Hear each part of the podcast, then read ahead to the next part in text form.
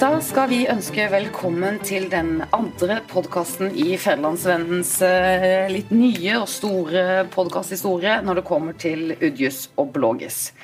Vi lanserte oss eh, selv forrige uke.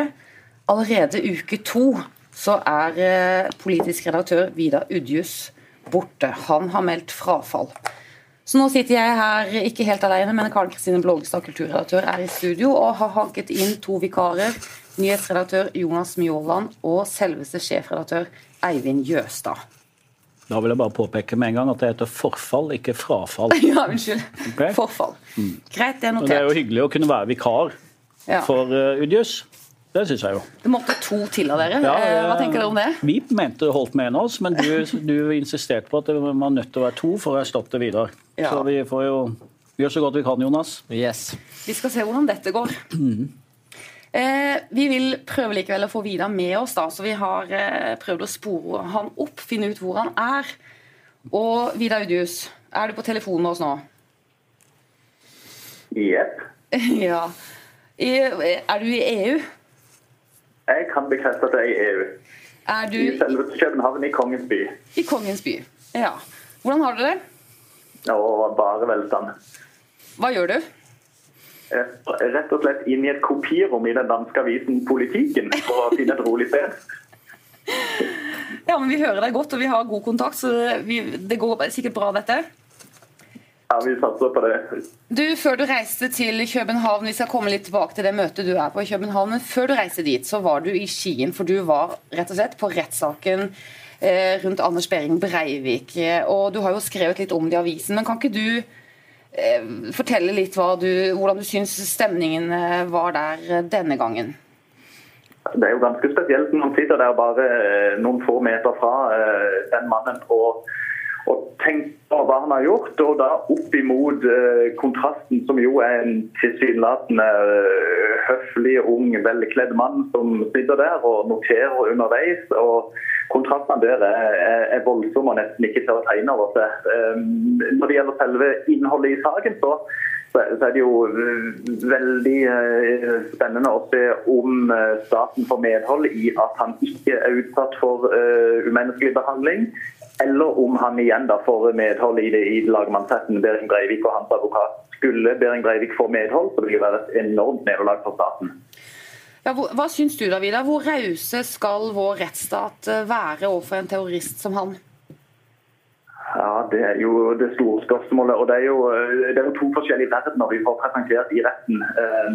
Eh, staten ved regjeringsadvokaten tegner et bilde av en mann som har etter forholdene strenge, men gode soningsforhold, og som gir inntrykk av å trives med dem. Eh, og så tegner Behring Breiviks advokat Øystein Storvik et motsatt bilde av et eh, svært strengt soningsregime og et regime som ikke er nødvendig i forhold til at han skal holdes kontroll på og han skal uh, ha begrensninger, men, men, men, ikke for strenge begrensninger. Så det, det, det, er egentlig vanskelig for en utenforstående å, å, å skulle sette ei, ei, grense der. Og jeg vil jo tro at de aller fleste utenfor fengselsmurene tenker at han skal det så strengt som mulig, men samtidig så skal vi jo følge menneskerettighetskonvensjonen som, som vi har forpliktet oss til. Det virker jo kanskje, Vidar, sånn Sett utenfor så virker det jo ikke nødvendigvis som at uh, fengselsoppholdet til nå uh, har gjort at Behring Breivik har kommet på andre tanker eller endra seg som person. Nei, nettopp. Og det er jo, det er jo et, et, av mange paradokser i saken. fordi at i den første rettssaken hvor han jo ble dømt for, for alle ugjerningene sine, så var det jo livsviktig for Behring Breivik å bli dømt som en politisk aktivist, og ikke som en uh, psykopat til psykisk helsevern. Uh, og nettopp det har nå staten snudd og sagt at nettopp det at han er en politisk aktivist som ikke har forbedra seg, det gjør det veldig viktig å fastholde et veldig strengt uh, soningsregime. Mens Behring Breivik og hans advokat nå er mer på denne hva skal man si, den eh, psykiatriske linja ved at han har tatt skade av dette her, eh, og, og at han, eh, han, er i ferd med nærmest med å gå til grunne som, som, person. Så det har egentlig snudd, snudd 180 grader dette i forhold til rettssaken for, for, fire år siden. Men du var jo også på den første rettssaken rundt soningsforhold. Ser du, Har han endra seg noe eh, til denne ja, veldig, veldig, interessant. fordi at for, for, et lite år siden, da den første saken kom opp angående soningsforholdene, så så var, var, han jo, eh, for å bruke et veldig folkelig og litt useriøst uttrykk, men framsto ganske tullrusk eh, og var sin egen verste fiende. Men denne gangen da legger han en annen linje og, og holdt iallfall i formiddag et innlegg som, som som kanskje forsvareren hans vil være unnskyld, advokaten hans vil være mer fornøyd med enn det han da girta seg for, for, et lite år siden der borte. Så nå, nå er jo linja mer at ja, dette tar jeg skade osv., mens han i forrige runde holdt usammenhengende redegjørelser som ikke var godt for noen å, å skjønne. Flott, Vidar. Det er eh, en fin og interessant rapport må jeg si, fra en rettssak eh, som mange følger med på. Eh, vi skal litt videre på punktlisten vår, og du er jo da altså på et utenriksredaktørmøte i Skipsted. Og står nå på et kopirom i København. Men når dere samles i redaktørkollegiet der, så er det vel en stor sak dere snakker om, og det er vel Trump og innsettingen av ny president i USA. Og så kan man jo tenke, hvis man legger godviljen til, da, videre, at dere er litt kompetente synsere på området.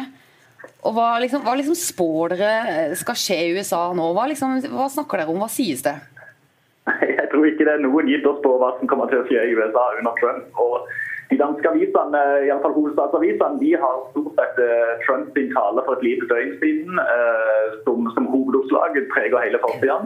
Eh, og, og, og, det vil si på den pressekonferansen der der fremsto han jo ganske usammenhengende og egentlig ganske skremmende når du tenker på at han skal være leder av, den frie verden, eh, som jo den amerikanske presidenten kaller det. Og, eh, og, og stiller opp til en, sånn, til sånn stor begivenhet, tydeligvis uten manuskript, og snakker i vei hvor det ene temaet tar det andre. og har det blitt framheva mye nyheter om dette at han da eh, ikke ville la CNN stille spørsmål fordi han mener at CNN driver med fake news, fordi at de da driver med kritisk journalistikk mot han. Mm. Men i tillegg var det en god del andre ting som var, som var ganske spennende å sitte og høre på. Ja, eh, Eivind, du sitter jo alltid og klør i kroppen når vi snakker om eh, den kommende presidenten i USA. Hva tenker du? Nei, hvor skal man begynne? Jeg tenker jo at uh, de som et etter valgsjokket da, har liksom tenkt og Sikkert for å beskytte seg selv, nærmest, tenkt sånn at ja, dette kommer sikkert til å gå bra, og sånn.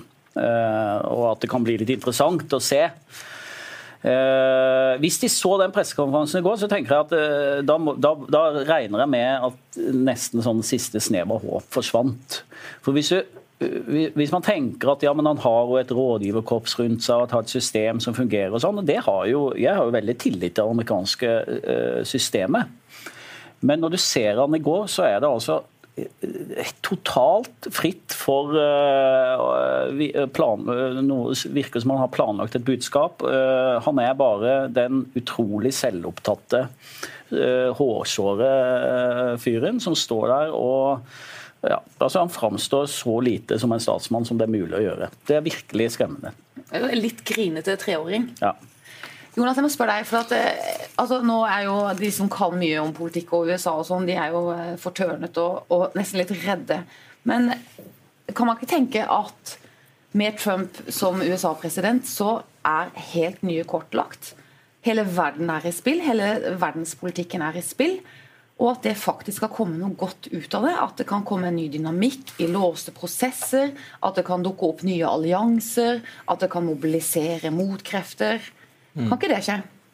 Det er klart det, men den, altså når man over den eh, pressekonferansen, man kan kalle det, i, eh, i går, som eh, som Fridtjof Jacobsen i VG kalte en time med, med jabbing. Ja. Det, det, var ikke, altså, det, var ikke, sammenheng i det, det han sa. Så er jo er veldig spørrende til hva dette kan føre til av, av positiv utvikling.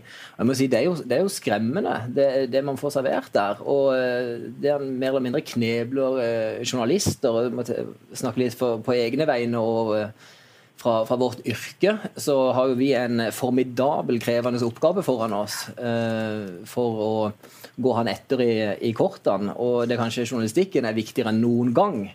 Eh, med en sånn mann som, eh, som leder av USA. Du, Det var interessante tanker, Jonas. Det var jo ikke svar på spørsmålet mitt. Hørte du spørsmålet mitt, Vidar? Ja, jeg gjorde det veldig, veldig skuffa over det Jonas svarte. Ja. Takk for det. Men kan du, kan du prøve å svare på det, Vidar? Kan du prøve å svare på det? Kan det komme noe godt ut av det? Eh, jeg tror det kommer mye mer negativt enn positivt. og Jeg er veldig redd for den situasjonen som opptrer når en virkelig alvorlig krise kommer på Donald Trump sitt bord, og hvordan han da vil reagere i forhold til om han klarer å styre instinktene sine bedre enn han har vist at han har klart uh, fram til nå. Uh, så kan det komme enkelte positive ting. Det kan være positivt at USA kanskje får et bedre forhold til Russland. Men igjen, hva er det som egentlig ligger bak det? Hva er det russerne eventuelt har på uh, Trump? Og hvilke amerikanske verdier er det det i så fall vil gå, ut, uh, gå utover? Så jeg er mye mer pessimistisk enn optimistisk. Du, jeg må spørre deg da, Eivind. Altså, Hvor mange forestillinger av den vi så i går, kan verden tåle? Altså, Vil Trump vare? Vil det ikke dukke opp en eller annen helt forferdelig håndtering, en eller annen forferdelig sak som gjør at det blir liksom riksrett eller helt baluba? Um, jeg tror nok vi må tåle veldig mye.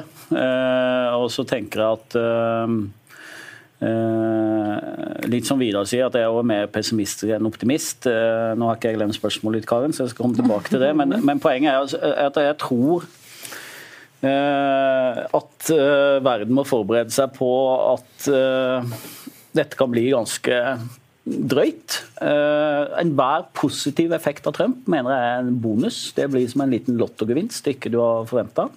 Og så må vi håpe da, at det går bedre enn vi frykter. Og Det er jo fare for oss nå som sitter i mediene, som også har vært eh, kritisert, at, vi liksom, uh, for, at det er så forutsigbart. Da, at vi tror dette går galt. Men vi kan jo liksom ikke la være å si det heller, da, når vi tror det, eh, og påpeke hvor ille det egentlig er. Nei, men Som medieledere, da, hva slags strategi skal man ha for å møte det som noen mener er et slags utenforskap, et tre fjerdedels samfunn, noen føler seg forlatt. Altså, og ser på oss f.eks. som elite. Hvordan skal man møte det folkedypet som uh, sympatiserer med Trump? Og det finnes jo også i Norge. Ja. Det som er så annerledes med Trump, synes jeg, da, at selv om du har hatt, det har vært masse statsledere rundt forbi som, som har hatt uh, såkalt establishment mot seg, men det har ofte vært et slags uh, Det har vært et uh, mulig å, å diskutere, da argumentere. At du kan faktisk ha en diskusjon. Men det er jo, det, det er jo der retorikken til Trump skiller seg så ut. Uh, Han svarer bare sånn utrolig plumpt og nedre. Når Meryl Streep står på Golden Globe uh, og holder en utrolig bra appell, syns jeg, da, så er jo hans svar bare at hun er en utrolig oppskrytt og dårlig skuespiller. Altså, han mm. svarer bare sånn.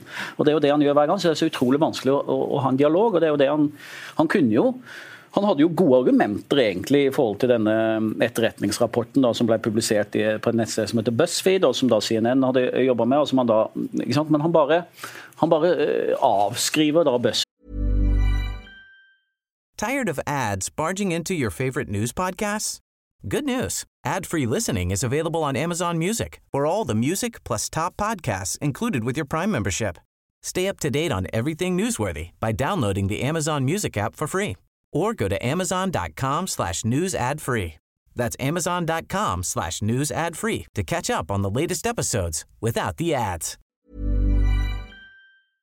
Som total eh, interessant aktør.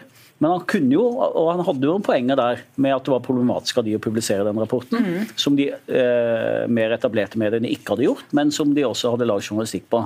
Men istedenfor at det da blir en eh, verdig og interessant debatt, så blir det jo bare hva var det Fridtjof kalte babbel. Ja. Ikke sant? Så, Kale mellom barn. Du, Jonas, men til ser... riksrett-greia, så ja. vi får komme tilbake til det, Kari. ja. Sånn er det å stille gode spørsmål, vi får ikke svar. Nei. Men Jonas, når du som nyhetsredaktør i Fjellandsvennen, tross alt, vi er jo med i verden, men eh, når du ser den pressekonferansen, og, og, og, han som skal være leder av den frie verden, vil eh, forstumme en, en, et mediehus som CNN, hva tenker du da? Du får lyst til å gå inn på pressekonferansen og eh, gi han en på trynet, gjør du ikke det? Man gjør det, så, så, tenker jeg også det er litt bra at det CNN han går på, eh, som er så, eh, som er så store. Mm. Ja. Så tror jeg, ikke det, jeg tror ikke det vil ha så mye å si for, eh, for CNN. De vil fortsette sin eh, gode og grundige journalistikk. Så akkurat det er jeg ikke så bekymra for, men det er jo bare ekstremt oppsiktsvekkende at man kan reagere eh, på noe sånn og nekte altså Først komme med ganske grove beskyldninger, og så nekter du CNNs journalist å stille et spørsmål eh, til disse anklagene. Det er jo det er drøy kost. Ja, det er det. Det, det var gøy å høre på han journalisten, for han ga seg jo ikke. Nei, det skal han ha. Ja, absolutt. Han hadde klo. Så. Vi kommer sikkert til å snakke om eh, USA og Trump igjen, også i denne podkasten. Men nok om denne nye storpampen i USA for denne gang. Nå skal vi over til litt mer lokalt pampevelde, kan man vel kanskje si. For denne uken så presenterte politimester Kirsten Lindeberg sin nye ledergruppe. I den ledergruppa så var det åtte menn, og bare hun selv da som er kvinne. Og Eivind, du har jo selv fått hard medfart for å ha vært en leder som ikke har klart å løfte fram kvinner. Og likevel du, vil du gjerne si noe nå. ja. Eh, bra overgang, forresten, Karin. Ikke sant, elegant. Og jeg jobba ikke så lenge med den heller. Nei, nei, rett før sending. Så det er notert Pamp fra et pampevelde til et annet.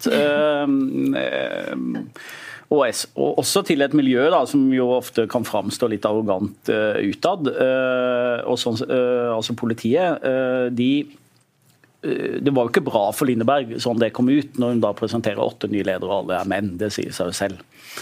Uh, og så vet jo jeg noe om at det er krevende. Uh, det, den, den uh, Det jeg tenkte da når jeg så det, var at hun, at hun hver, hver, for seg kan man sikkert forsvare rekrutteringen. I den stillingen passet den mannen best, og så var den mannen best kvalifisert der, osv. Og så har hun blitt sannsynligvis litt blind underveis, da. Så, mens, og da summen framstår veldig pinlig. Nokså nok som mannsdårlig. Eh, ja, fordi det, det, går jo rett og slett ikke. Og Når hun da skal etablere en ny ledergruppe, så er det egentlig ikke noe forsvar for å ikke klare å få inn eh, noen damer der. Hvor mange kvinner burde hun hatt i ledergruppa si, tenker du? Nei, nå er Det er vel noen mål i, i politiet som, som vi i hvert fall burde ha oppnådd. og Det er vel 30 eh, at det skal være minst 30% men målet, Minst 40 ja, lederstillinger totalt innen 2022. Ja. Men målet bør jo alltid være å ha 50-50 i en ja. ledergruppe. Det, det, blir jo uh, som regel bedre beslutninger av det. Ja, Jonas? Og så sies det jo også at, eh, at Mangfold og, og likestilling det skal gjerne være et virkemiddel for politiet. For å skape den tilliten som de er helt avhengig av det å, å da uh, ha en ledergruppe kun bestående av menn, og det signalet som det sender, det er jo høyst betenkelig, tenker jeg. Og det tror jeg så gjør det, det, gjør det jo vanskeligere for kvinner å, å faktisk da komme inn i et så uh, gubbevelde, som man nesten må kalle det. Men det er jo et strukturelt ja. problem, da, for når det ble søkt uh, visepolitimesterstilling i, i 2016, så var det jo ni politimenn som søkte, og én kvinne. Mm. Det, det, er ikke sikkert hun har en stor sko å ta av. Det, krever jo tid å jobbe fram dette. Ja. Eller? Men mm, jeg er enig med, Jonas, for, jeg er enig med Jonas i at særlig i sånne type veldig mannsdominerte bransjer, eh, som jeg har inntrykk av at politiet er. Nå har aldri jobba der, det tror jeg folk, eh, mange skal være glad for. Eh, men, men, eh, men jeg tror Vi hører jo det i historien at det er mannssjåvinistiske miljøer. Og da er det jo enda viktigere å få inn kvinner med makt. Eh, og øh, vi har øh, en bransje som har vokst enormt i Norge de siste årene, er rekrutteringsbransjen. Det kan man mene mye om, mm. men øh, de bør i hvert fall brukes i mm. den type prosesser som dette. Og det vet jeg ikke hvem de har gjort, det har de sikkert gjort. Men for å få damer inn i den type stillinger, så må man aktivt oppfordre, leite, overtale, mm. legge forholdene til rette.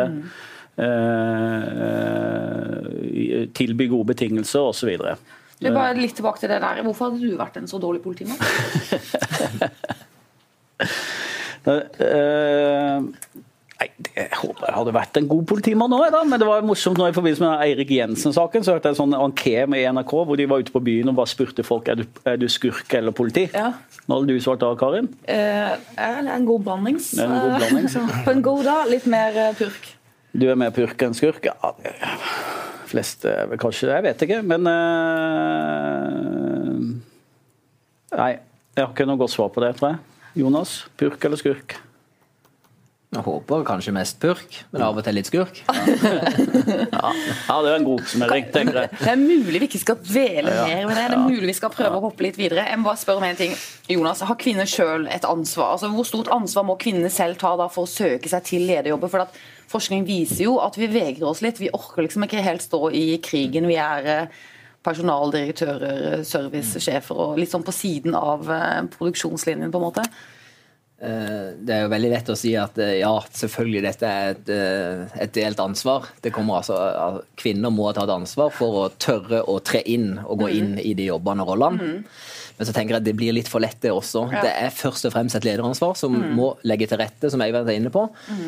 Ha betingelser og faktisk jobbe veldig aktivt for å få en bedre balanse i f.eks. en ledergruppe hos politiet i Agder. Er du feminist? Ja. Flott. Det er jeg også, så jeg blir veldig glad for det svaret. Nå, Men bare for at det ikke skal høres ut som vi sitter fullstendig i glasshus. Nå sitter vi faktisk i et glassbur her i Feven, men eh, det kom jo akkurat fram her eh, også denne uka, tror jeg, at av alle norske eh, medier i Norge, eller at, det er kun fem kvinnelige sjefredaktører i Norge. Og det er så pinlig at uh, altså, det fins liksom ikke et forsvar for det i det hele tatt. Så vi er òg en bransje hvor det er ekstremt dårlig. Og som du var inne på, så har det vært dårlig i FVN nå. Det tar tid, disse tinga. da. Så vi, nå er jo jeg litt stolt for at jeg kan si at akkurat øh, nå denne uka, med at vi har ansatt Birgitte Klekken som ny redaktør hos oss, så, så vil vi få en ledergruppe i FVN med 50-50. Men det har tatt, seks, tatt meg seks år. Det er krev, vanskelig. Men du er superfornøyd med meg, er du ikke det? Veldig fornøyd med deg, Ja. Karen. Og så og så fordi jeg er pen. ikke sant? Ja. Det var ikke så feministisk sagt, det siste der, men eh, blås i det. Videre. Agder eller Sørlandet? Det er en stor diskusjon. Det kommer sikkert til å bli en enda større diskusjon. Eh, Ikke så god overgang. nei, ikke så enig, det var, men det var en veldig vanskelig oppspark. Men Agder-Sørlandet. Eivind, hva kommer Fjellandsvennen til å mene om det? Hva bør denne nye landsdelen eh, hete? Har Vidar lagt på nå, eller? Jeg håper det ut. Ja, fint, for da, Vi har bare muta den. Vi er jo ikke ferdig, vi har ikke liksom hatt liksom en uh, diskusjon på det, men jeg kan jo si for min egen del, og da uh, skal jeg i hvert fall argumentere sterkt for at vi skal mene det i FV nå, så er det åpenbart, mener jeg, at det må hete Agder. At Må hete Agder. Ja. Men Jonas, når du er inne på eh, fete parties i Oslo, det driver jo du utrolig mye med. Helg etter helg. Yes. Er du egd, eller er du sørlending? Det er jo ikke noe tvil. Man er sørlending. Ja. Og så er jeg jo helt enig, det, det naturlige og Språkrådet argumenterer jo veldig godt for det. Aust-Agder, Vest-Agder. Ja, vi sløyfer vest og øst, og så heter det Agder. Men jeg må jo si at det er noe som klinger så bra med, med Sørlandet. Altså, når Wilhelm Krag tok dette opp og brukte det for første gang i, i Morgenbladet i, på begynnelsen av 1900-tallet, så eh, Jeg tror han leste opp før podkasten. Er det klart det? Ja, ja. Vi fikk jo fem minutter på oss. Ja, for du ser jo på Wikipedia nå. Jeg brukte det godt. Så syns jeg at det- det er noe med, med Sørlandet som Og jeg føler, liksom- jeg føler ikke vi ekskluderer eh, kan du si, bygd og fjell, eh, selv om vi skulle endt opp på det. Eh, så- Men Sørlandet gir jo gode vibber. Det er liksom Svaberg og eh, i Tanga og sånn. Men det er jo også Jeg får jo også litt den der litt reaksjonære, konservative Vi har det så greit som vi har det. Litt bibelbelte, likestillingsproblematikk. altså Alt dette her Ja, er bare jo også litt sånn Sørlandet Sørlandet. eller Agde? Nei, altså jeg syns jo Sørlandet har det der bibelbeltet, litt sånn sfæren i seg, da. Men det har også sommer og sol og alt det bra med Sørlandet. For Ja, men altså, jeg, men når jeg, når jeg bodde i Nord-Norge, så sier altså, man sier man skal på ferie til Sørlandet, man skal i Dyreparken og, Ja. og, og besøke ja, Kristiansand For den der og ferien i Agder, og- den høres ikke så gøy ut. Man sier ikke Man sier aldri at man skal hjem til Agder. Nei. Nei, men uh... Men, men vi kan jo forstå at en setesdøl syns Sørlandet er litt uh, fremmed. ja. Flekkefjord, er det Sørlandet? ikke det Vestlandet? Ja, det skal jeg være veldig forsiktig med å si på lufta. Jeg tenker at uh, Sørlandet er til og med Vest-Agder fylke. Mm. Men vi er jo veldig opptatt også på å trekke linjen eh, i Aust-Agder. Altså Kragerø, det er ikke Sørlandet. Er det det? Nei. Nei, det er jo fordi vi definerer at det, Ja. at det slutter etter uh, Det begynner der Gjerstad. Begynner. Mm. Ja. Så, så Gjerstad er Sørlandet, men ikke Kragerø. Mm. Eller Gjerstadburet, som vi kom i skade for å si her i Feven forleden. ja, og da vet jo du og jeg, Eivind, som kommer fra Aust-Agder, hva det egentlig heter. Men nå skal vi jammen teste Jonas Mjåland og se om du har lest deg opp på dette. Hva kaller vi en fyr fra Gjerstad? Det var et godt spørsmål. Det rakk jeg dessverre ikke å lese meg opp på. Eh, en ja, du, du har jo vært og løpt orientering i skogene i Gjerstad, har du ikke det? Jo, men jeg møtte ingen gjers... Gjerstadbuing. Nei, sommerfeil igjen. Og det er flaut, altså. Det heter, Jonas, og noter dette, gjærstøl. Gjærstøl. Eh, vi må bare nevne én ting. Altså, sist vi hadde denne podkasten, var jo ordfører Harald Furre her og åpnet det høytidelig med rød snor, og det var eh, fest. Han er blitt eh, kåret til eh, Hva er tittelen? Norges beste ordfører? Nei. Ja, jeg tror det er Norges, Norges beste ordfører. Ja, og ikke av hvem som helst. Det er kommunal rapport videre. Stort bilde i dag, smilende ordfører. Det var kjekt. Vi må gratulere med det. Ja, jeg må si det er jo eh, kjempegøy. Og det var for å heise regnbueflagget Ja. i en litt sånn eh, politisk eh, betent sak, eller en litt så flau sak for byen. ja. Og så er det veldig bra at det danner grunnlaget for at han faktisk går frem og vinner en sånn kåring, at det blir satt fokus på det. Og det synes jeg var raust. Vi heier på det. Fjellandsvennen heier på det. Jeg syns Det er fortjent. Eh, Nå skal jo vi være kritisk til eh, den type makt som han utøver, men, men eh, vi liker at vi har en tydelig ordfører. Det er en som står for ting. Og det gjør han. Og han har bestått mange tester, syns jeg. Eh, Og er veldig tydelig. Vi har skrytt av han tidligere òg på måten de håndterte den her forferdelige dobbeltdrapssaken som han fikk vi hadde rett før jul. hvor hvor jeg syns kommunens ledelse framsto forbilledlig med åpenhet og måten de håndterte det på. Så han har mange ting han har gjort veldig bra. Så får han jo ikke hvile på laurbæret. Nå får han jo satse på å ta den tittelen en gang til. Ja, og vi skal følge han kritisk, selvfølgelig, men vi skal jo også heie på det som er bra her i byen. Det var veldig gøy å ha han som gjest forrige gang, og det var også Jonas og Eivind kjempegøy å ha dere som gjester i podkast nummer to. Kan det bli permanent, tenker du, eller? Eller? Nei, det skal jeg og Vidar snakke tilbake? litt om etterpå. Ja. Han har vi jo bare feida ut. Ja. Tusen takk for oppmøtet. Tusen takk for at dere lyttet på.